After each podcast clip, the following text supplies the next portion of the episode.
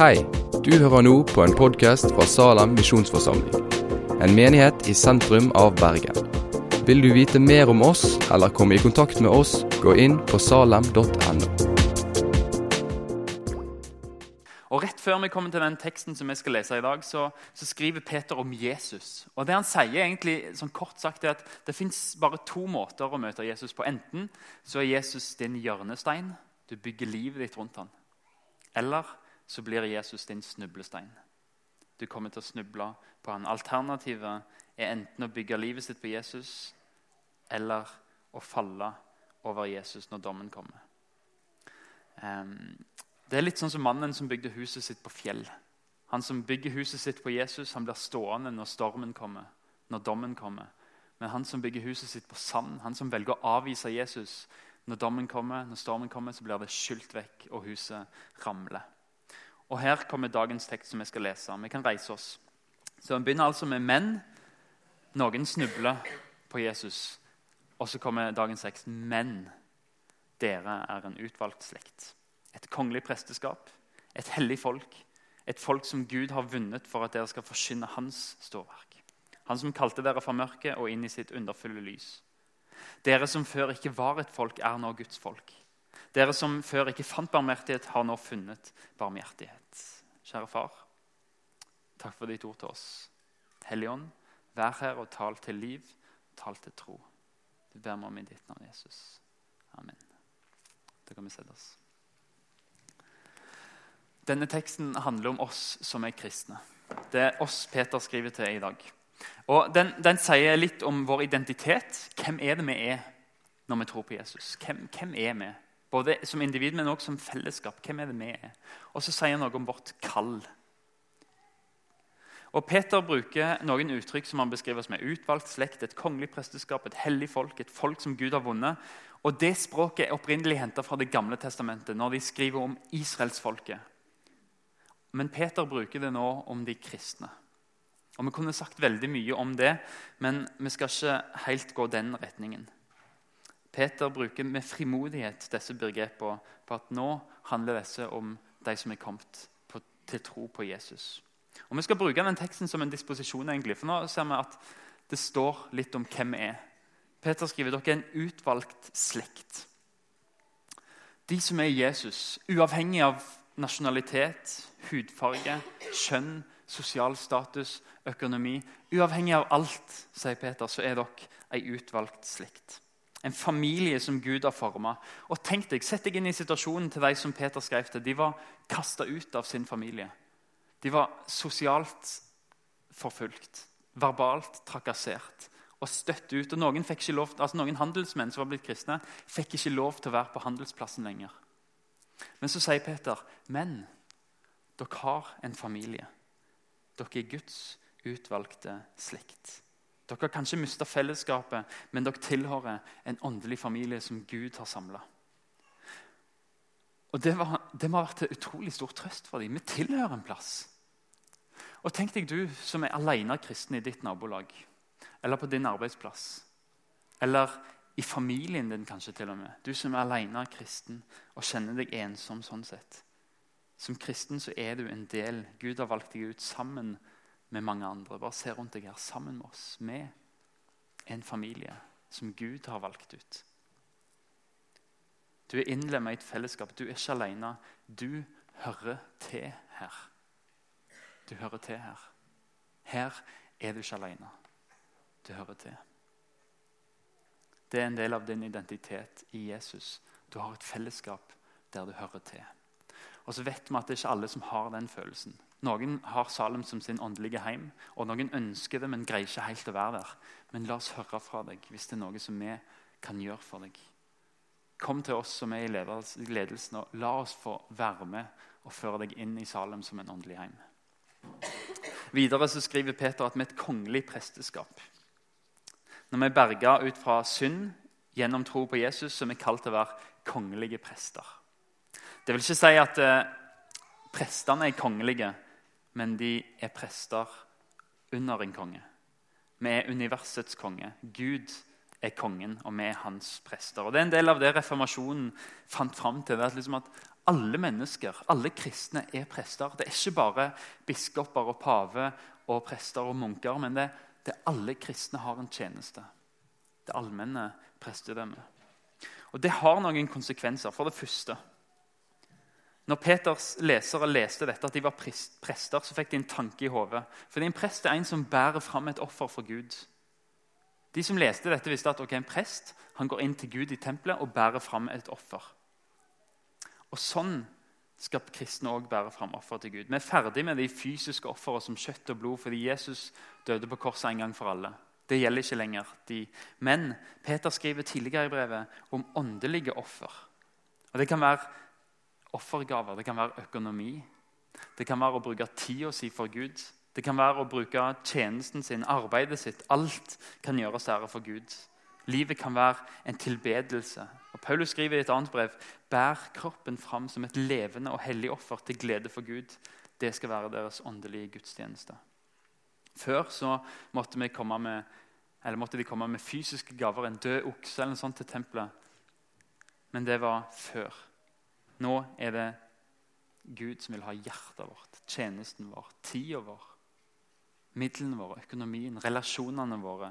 Og så vil han at vi skal legge dem framfor Gud og si her, ta det og bruk det. I tillegg til å bære fram offer skulle en prest være en mellommann mellom Gud og mennesker. Før så var det kun prestene som hadde tilgang til Gud. Hvis du skulle ofre noe, så måtte du gi det til en prest, og så bar han det framfor Gud. Fordi du var ikke hellig, du kunne ikke gå inn i tempelet, du var ikke ren nok. Og Det var det prestene som hadde oppgaven å bringe fram mennesker for Gud. Men det var den gamle pakten, og det var da levittene var, og yppersteprestene som på en måte hadde de oppgavene. Men, sier Nytestamentet, og spesielt Hebreerbrevet sier, gjennom Jesus, som er den nye veien til far, den eneste veien inn til far.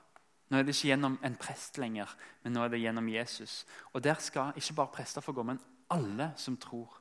Alle troende skal få gå rett inn til Gud, sjøl den mest enfoldige av oss. Alle er prester, og alle har tilgang. Og Det er òg en del av vår identitet. Gud ønsker å ha deg nær hos han. Han ønsker ikke at du skal komme via en pastor eller via en mentor. Men han har åpna veien for at du sjøl skal få komme helt inn til Gud. Han vil være der med deg. Han ønsker deg, ikke en mellommann. Videre sier Peter at vi er et hellig folk. Jødene ble kalt et hellig folk etter at Gud valgte de ut gjennom Abraham. Og Så berga han de ut fra Egypt og frelste de, og så sa han nå er dere folk. Dere er mitt folk. Dere skal ikke lenger være en del av Egypt. Dere skal få deres eget land. Dere skal bli et eget folk. Dere skal få deres egen lov. Og dere skal være hellige fordi jeg er hellig. Jeg har utvalgt dere. Dere er en nasjon, dere er et folk. Og Sånn er det òg med kristne. Vi har, selv om, selv om alle vi er forskjellige, og hele verdensvide kirker, selv om vi er forskjellige, så har vi noe som knytter oss sammen. Vi har et hjemland i himmelen. Vi har en konge i Jesus. Vi har en misjonsbefaling som grunnlov. Og vi er et folk som Gud har kalt ut, gjort oss hellige. Vi òg er et folk. Et utvalgt, hellig folk. Og Her skal vi hoppe til vers 10, fordi der fortsetter tanken om hvordan blir vi et hellig folk. Dere som før ikke var et folk, er nå Guds folk. Dere som før ikke fant barmhjertighet, har nå funnet barmhjertighet. Og Her bruker Peter veldig bevisst et sitat fra Det gamle testamentet, fra en bok som heter Hosea. Der han bruker det så bevisst for å vise oss hvordan blir vi Guds folk. Og Det er et av de flotteste bildene på Guds nåde jeg kjenner i Bibelen. Og For å forstå hva Peter skriver om her, så må vi forstå hva det Hosea skriver om. egentlig. Men ta lukk øynene nå. Og så ser du for deg at du er gift. Du er forelska opp etter ørene. Du er så glad i denne ektemaken, og du kan ikke få gjort nok for denne ektemaken din. Og dere lova å være sammen helt til døden skiller dere av, og gitt hverandre en pakt på det. Og du arbeider hver eneste dag så mye for at ektemaken din skal få det som trengs for å være trygg, for et godt liv. Og du gjør så mye mer enn det som er forventa av deg, av det folk tenker. Din kjærlighet er helt fullkommen, og du bare tenker dette er helt fantastisk. Men så viser det seg at ektemaken din har vært utro mot deg hele tida. Ektemaken har ikke bare elska deg, men mange andre samtidig. Både før og under ekteskapet. Og det verste er at alle vet om det. Hele verden vet det. Det er bare du som ikke vet det. Hvordan ville du kjent det? Hvordan ville du reagert hvis det skjedde med deg? Dette er faktisk realiteten som Hosea beskriver om Guds relasjon med sitt folk. Gud elsker oss fullkomment, men det han får igjen, er at han blir spytta i ansiktet. Israelsfolket blir i Hosea-boka sammenligna med ei hore. Det er ganske harde ord.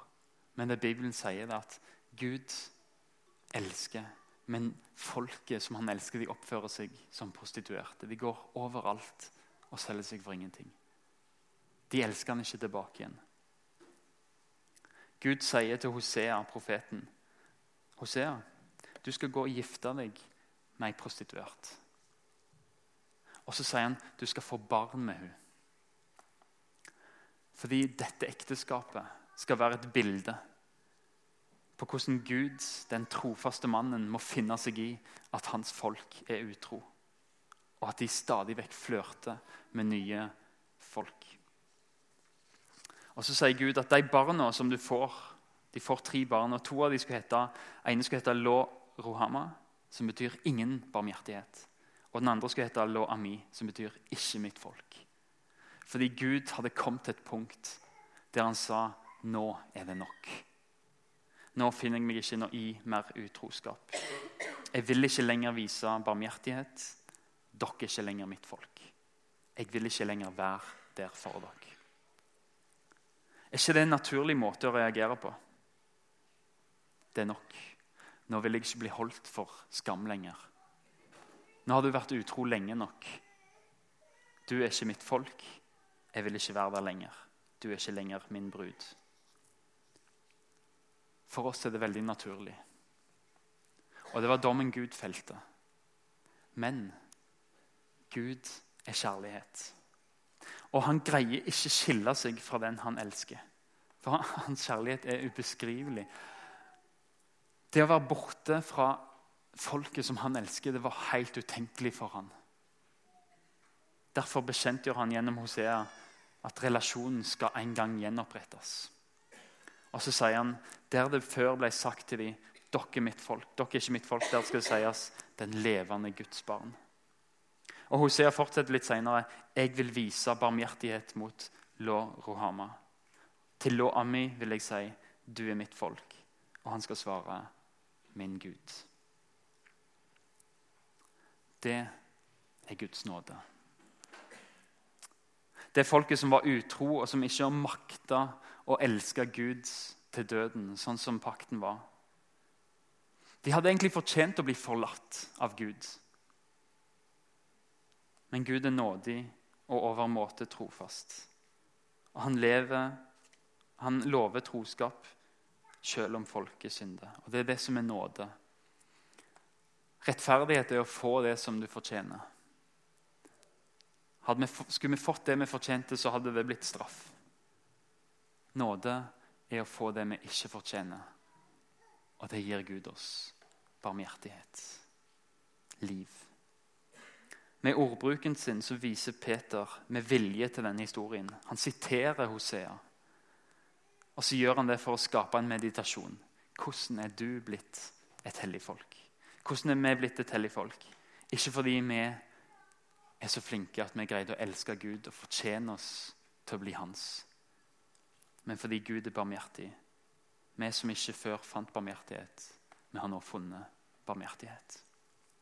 Moses skriver, for du er et hellig folk for Herren din Gud. Blant alle jordens folk har Herren din Gud utvalgt deg til å være hans folk. Han styrer bare eiendom. Når Herren hadde godhet for dere og valgte dere ut, var det ikke fordi dere var større enn andre folk. For dere er det minste av alle folkene. Men fordi Gud, Herren, elsket dere og ville holde eden han hadde sverget for deres fedre, førte han Herren dere ut med sterk hånd. Fordi Gud elsker, så er vi hans folk. Videre sier Peter at vi er et folk som Gud har vunnet. En annen oversettelse sier at vi er Guds eiendom. og Jeg liker begge delene.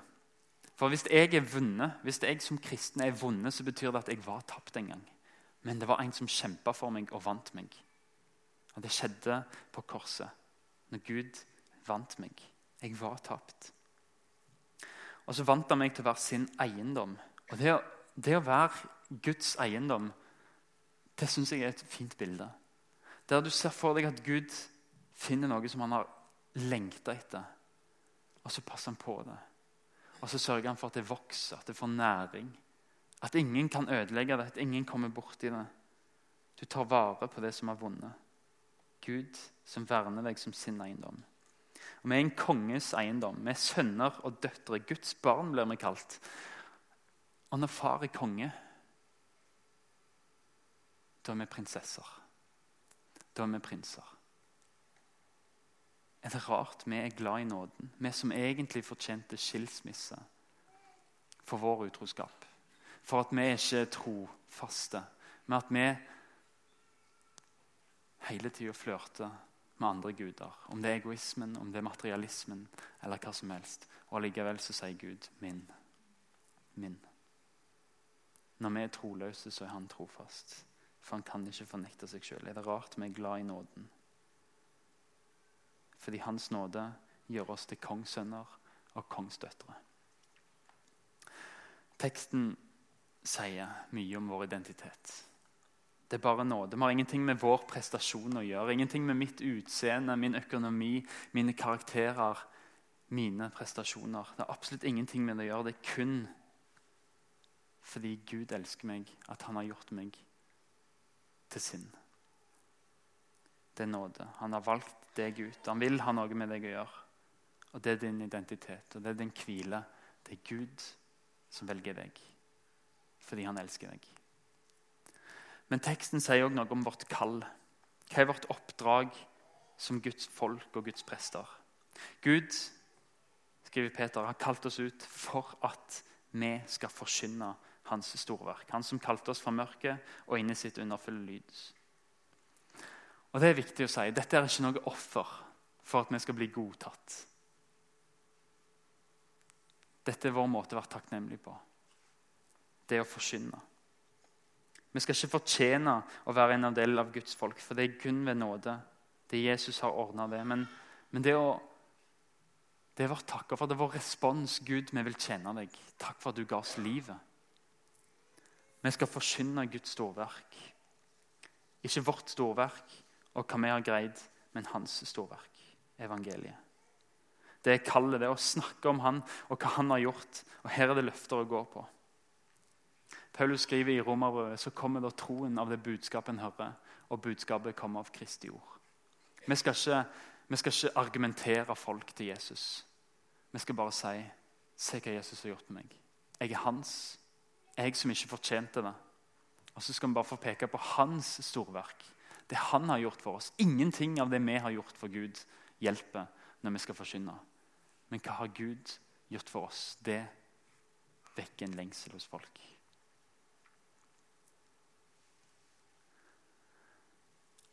Hvordan skal vi gjøre det? Hvordan skal vi forkynne? Jeg tror ikke at Nytestamentet mener at alle skal være evangelister. Det er kanskje det spørsmålet jeg får oftest når vi snakker om misjon. Mener du Kristian, at alle er evangelister, at alle skal stå på gata og snakke om Jesus? Nei, jeg gjør ikke det. Jeg tror at Det å være evangelist det er en nådegave som Gud gir til menigheten. Vi trenger evangelister. Men du kan ikke gjemme deg bak det, fordi alle kristne skal snakke om Jesus. Det er en forskjell der allikevel. Jeg tror ikke du kan skjule deg bak at du ikke er evangelist. Kanskje står du ikke på gata, kanskje står du ikke på store stadioner og forteller om Jesus, og folk blir kristne i hopetall. Det er nådegave. Men Peter spesielt og Bibelen er veldig bevisst på at vi som kristne vi skal leve et annerledes liv. Vi skal leve på en sånn måte at vi får sjansen til å snakke om troa. Vi skal leve på en sånn måte som vekker nysgjerrighet, sånn at spørsmålet kommer. Hvordan greier du å stå så fast og være så trygg midt i sykdom og lidelse? Hvorfor bruker du fritida di på å stå utenfor strakshuset og dele ut kaffe til narkomane? Hvorfor driver du søndagsskole på søndager når du har tre barn sjøl og har nok med å få det til å gå rundt på hverdagen? Hvorfor åpner du heimet ditt for flyktninger som ikke engang har fått oppholdstillatelse? Hvorfor bruker du tida di på å gjøre gjerninger, gode gjerninger som ikke forventer av deg engang? Jeg tror vi er kalt til å leve liv som vekker nysgjerrighet. Og så skriver Peter i 3.15 For han, han, han, har mange eksempler på hvordan vi kan leve praktiske kristenliv. Og så sier han Vær alltid klare til forsvar når troen krever dere til regnskap for det håp dere eier. Vi gjør det ydmykt og med Guds frykt, så dere kan ha en god samvittighet. Da vil de som baktaler dere for deres gode livsførsel i Kristus, bli gjort til skamme med sine beskyldninger. Jeg tror vi er kalt til å leve liv som overrasker, som vekker nysgjerrighet, som vekker spørsmål. Og så sier Peter og når de spørsmålene kommer, så står klar til å forsvare. Og Hvordan ser det ut å leve et liv som vekker spørsmål fra ikke-kristne? Hvordan ser det ut å leve liv som overrasker folk? Som får de til å heve øyenbrynene? Og Det er det Peter fortsetter med i resten av brevet sitt. Han skriver praktiske ting som sier sånn som dette ser et annerledes folk ut. Han går inn på å beskrive det, så sier han sky lystne for begjæret og følg Guds vilje. Du har et begjær som vil gjøre masse rart, men, men følg Guds vilje. Og så sier han det vil få hedninger til å undre seg. Og så sier han gjør gode gjerninger. Det vil få hedninger til å prise Gud Og så underordna nok myndighetene. Det vil stoppe munnen på anklagene mot dere. Vis mennesker ære. Elsk søskenfellesskapet. Frykt Gud. Underordna deg sjefen på jobb. Det er godt i Guds øyne, sier Peter. Smykk deg med livsførsel i stedet for sminke og smykker. Ikke la det være det din framtoning, men la folk få se livsførselen din og la det skape undring. Vis omtenksomhet til ektefellen og vis hverandre ære i ekteskapet. For da kan Gud høre bønnene deres klarere, sier Peter. Gjengjeld ikke ondt med ondt. Velsign andre, elsk hverandre og vær gjestfri uten å klage. Det er mange praktiske tips. Tjen hverandre med nådegavene. Og Vi kan kanskje fortsette å komme med mange sånne praktiske, gode tips. Sett deg utenfor huset ditt. La barna dine leke der, sånn at du har sjansen til å møte på noen. Engasjer deg i borettslaget, sånn at du får bygge relasjoner. Jeg har blitt medlem av styret i vår boforening på, i Anglevik på, på Sotra. Jeg, jeg, har aldri blitt kjent med naboene på den måten. Plutselig så kjenner jeg alle. Folk kommer til oss for å spørre om ting. Plutselig har vi relasjoner. Åpne heimet ditt. Se sport med naboene dine. Start en gågruppe eller en løpegruppe i nabolaget ditt. Tilby deg å trene nabobarna i noe du kan. Jeg kan spille piano. Har gutten din lyst til å lære det? Jeg kan, jeg kan gi gratis pianotimer. Finn ut når naboene dine har bursdag, og kom med et kort. Eller noe, en blomst. Jeg tror Peter har så mange praktiske tips, og så kan vi føye på noe som passer inn i vår hverdag. Og dette livet vekker nysgjerrighet. Og så sier Peter og når muligheten dukker opp, når du blir stilt spørsmål hvorfor gjør du dette, hvorfor tror du, hvorfor er du sånn som dette, så sier han vær klar til å forsvare troen når noen krever dere til regnskap. Og Gud, han som er barhjertig, han som vil nå nye mennesker med budskapet, Han vil det mye mer enn deg.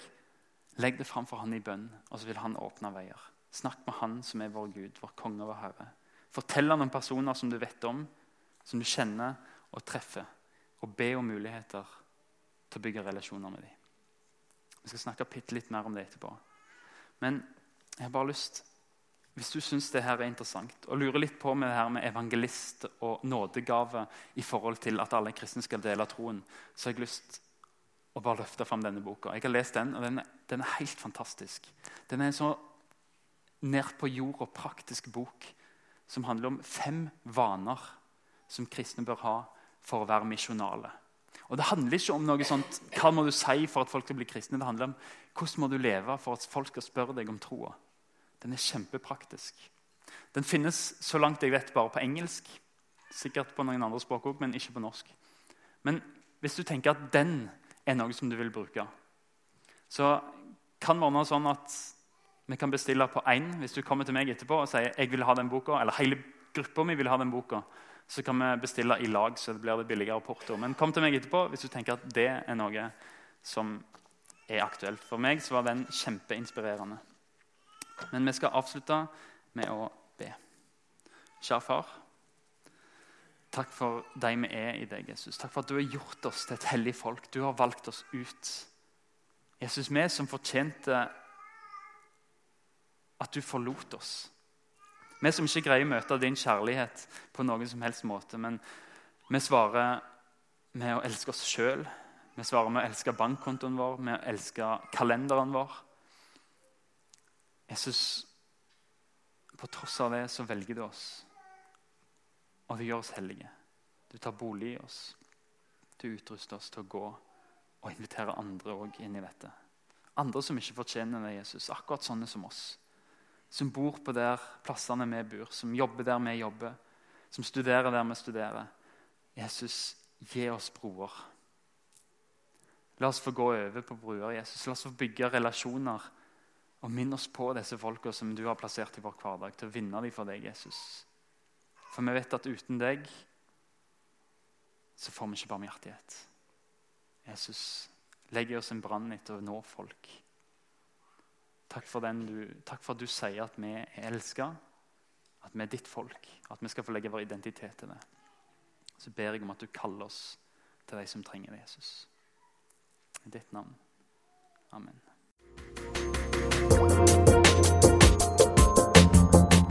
Takk for at du har hørt på podkasten fra Salem, Bergen. I Salem vil vi vokse i et stadig dypere fellesskap med Gud og med hverandre. Vi vil være Jesu hender og føtter, og vi vil være med og forkynne frelse for Bergen og resten av verden. Besøk oss gjerne på salem.no om du vil vite mer.